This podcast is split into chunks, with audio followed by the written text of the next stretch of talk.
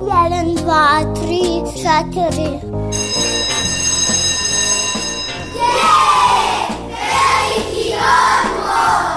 Emisija o obrazovanju i vaspitanju.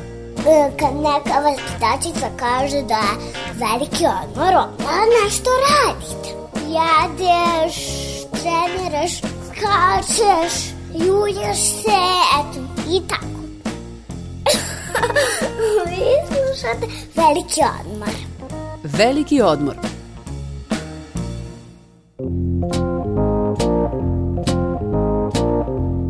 Neznanje i neupućenost prosvetnih radnika, ali i roditelja, često je prepreka u odnosu sa decom koja su preživela neprijatne događaje, pa im stručnjaci poručuju da se stalno usavršavaju i budu dovoljno radoznali da pomognu sebi i detetu.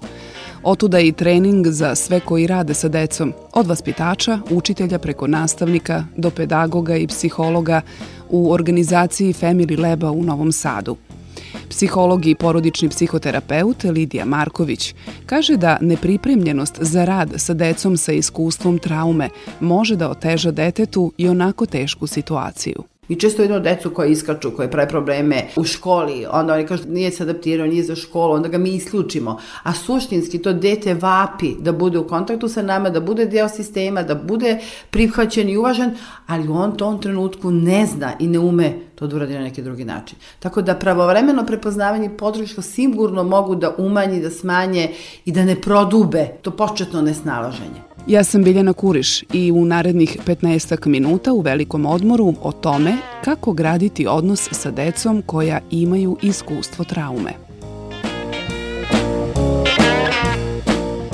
Prema oceni stručnjaka, trauma je događaj koji se smatra opasnim za osobu i za koji nema odgovarajuće veštine da se zaštiti. Nepoželjni događaj kao što je nasilna smrt voljene osobe, dijagnoza teške bolesti, silovanje, teška saobraćena nesreća, zatim gubitak imovine, izdaja od nekoga kome smo verovali, su događaji koji se ne uklapaju u sliku našeg shvatanja života. I zato većina ljudi nema pripremljene odgovore na takve okolnosti. Deca takođe.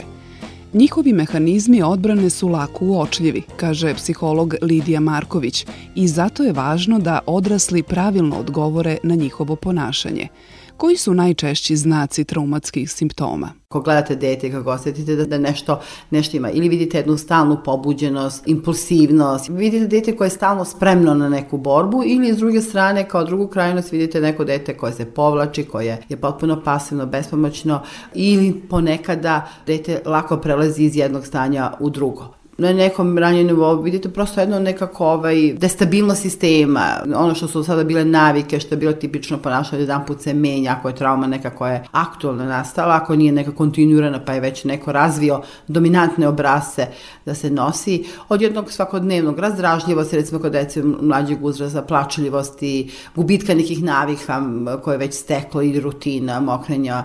Prosto vidite da, da je neko dete izbačeno, što bi rekli, iz koloseka i kod školske dece to su takođe teškoće sa koncentracijom, sa pažnjom, sa učenjem, sa ostati miran, a vrlo često ispod toga ide neko traumatsko iskustvo. A šta je za decu trauma? Za decu je trauma svako iskustvo koji u tom trenutku sa svojim usvojenim adaptivnim mehanizma ne može da proradi. I naravno dete napravi mehanizam preživljavanja, ali to su obično nekako ovi o kojima govorimo na svoju štetu ili su u konfliktu i stalno drmaju sistem oko sebe na neki način vapeći ili se potpuno povuku, ostanu sami usamljeni u nekom svom svetu i pate u tišini. Zato su emotivni i psihološki lomovi najčešće posledica traume. Marković ističe da trauma nije bolest, već trenutna psihička kriza u kojoj se osoba prilagođava i zato je važna podrška na samom početku traumatičnog događaja.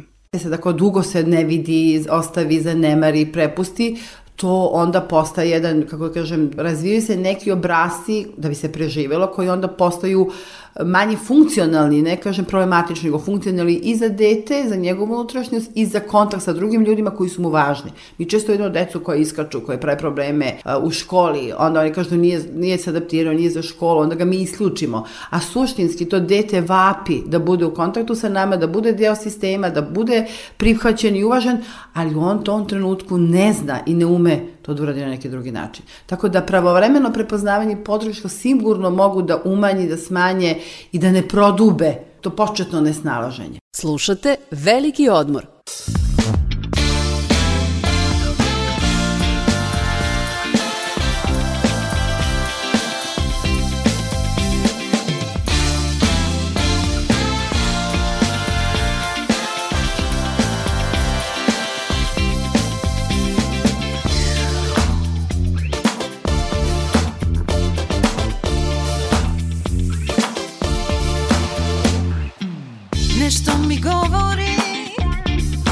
znam šta ću, nešto mi govori Ali ne znam šta ću, tako je visok Pa me ne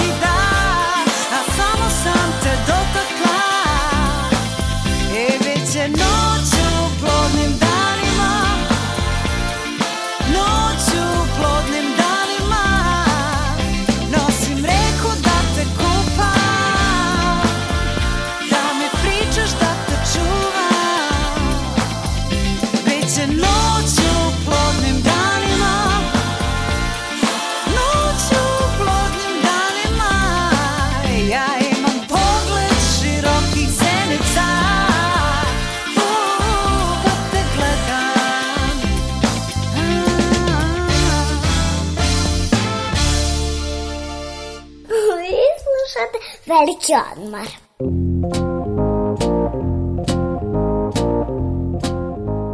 Kako graditi odnos sa decom koja imaju iskustvo traume? O tome u velikom odmoru Radio Novog Sada razgovaram sa psihologom i porodičnim psihoterapeutom Lidijom Marković.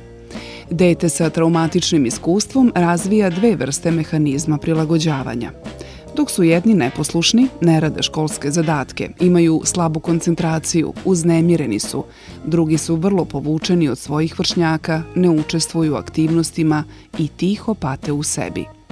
Čini se da upravo u takvim situacijama oni na koje su deca upućena ostaju nemi i ostavljaju detetu da ono samo reši problem. Ono što mi najčešće radimo, mi svu odgovornost prebacimo na dete. Znate, čuvana rečenica, kada je dete dobro, to je zasloga roditelja. Kada dete ne valja, onda je to samo krivo dete, krivo uslovno, onda ga vodimo kod raznih stručnjaka da ga popravi. Ceo sistem se uključi kako bi to dete nekako promenili i kao da je odgovorno samo na njemu. Dete živi sa nama i kao odrasli smo odgovorni za kvalitet odnosna i odrasli smo da pružimo jednu bezbednu situaciju u kojoj bi dete moglo da se razvija sa svim onim svojim potencijalima što ide. Kada se dese ispadi, ono što mi kao odrasli najčešće uradimo iz nemogućnosti da nekako preuzmemo odgovornost svoju ličnu za odnos ili za ceo kontekst u kom se to dešava, najčešće je, ne kažem direktno, ali u suštini da prebacimo za dete. I onda imamo neku onu umrženost, onda kreće prebacivanje i školu ili ovde. Postoji još jedan paradoks. Deca koja su previše adaptirana i u sebe, ona neko prolaze, one pate u tišini. I njih sistem nekako hendluje u tom smislu i nekako jer ga ne uznemirava. A deca koja aktivno traže rešenje i koja se bore, ona nekako uzdrmavaju sistem i njih nekako lako isključimo. Koje su poruke, evo, radite sa nastavnicima, odnosno profesionalcima u toj oblasti, Koje su poruke ili koji su savjeti? Slušajte, e, kratke savjete bi teško dali, ali generalno preporuka je da probamo da budemo autentični u kontaktu. Znači prvo da budemo svesni sebe. S druge strane, najvažnije je da probamo da vidimo i doživimo to dete onako kako jeste, autentično, jedinstveno, neponovljivo.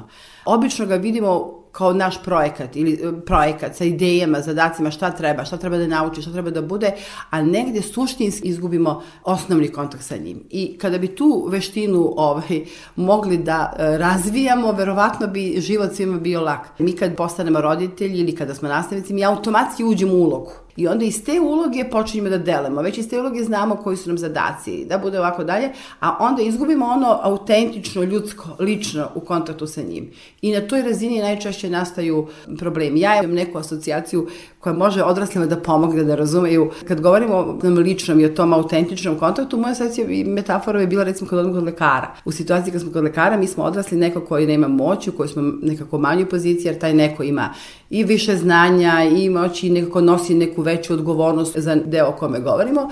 I sad ako lekar vas vidi kao pacijenta samo, koji treba da reši problem, kako se osjećate?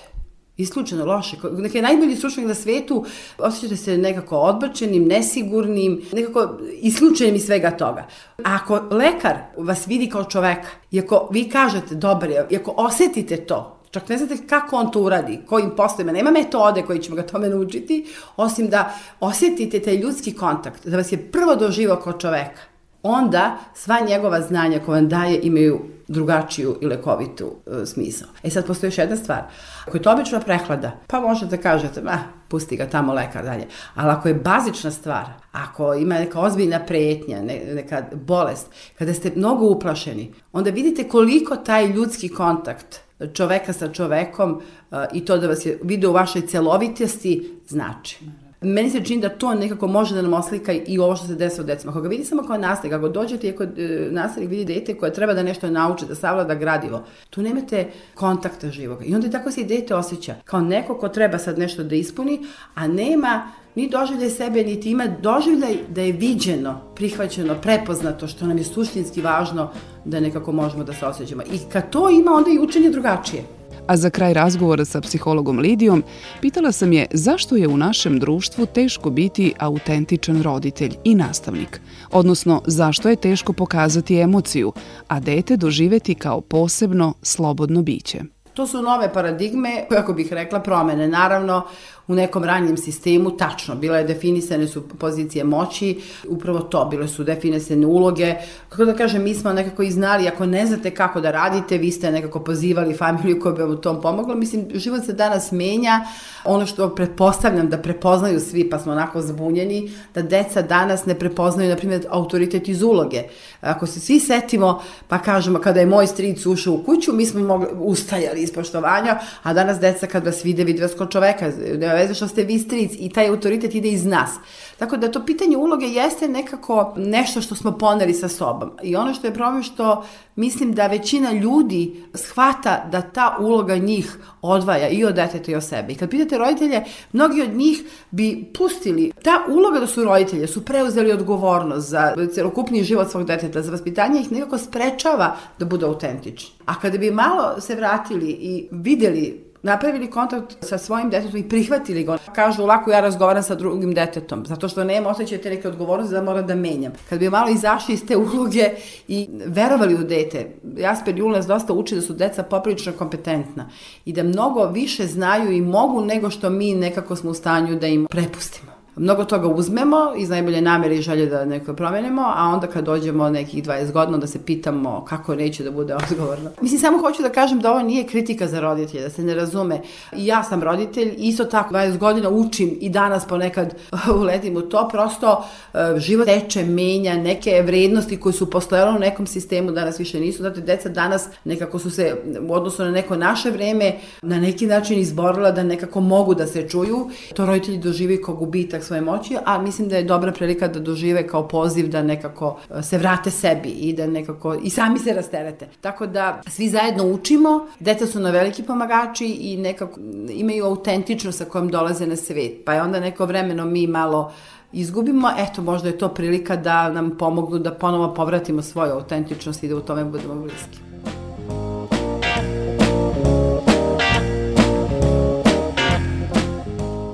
Za veliki odmor govorila je Lidija Marković, psiholog, porodični psihoterapeut i član Family Leba u Novom Sadu. Emisiju realizovali ton majstor Sabina Nedić i autor Biljana Kuriš, koje vam žele prijetan vikend.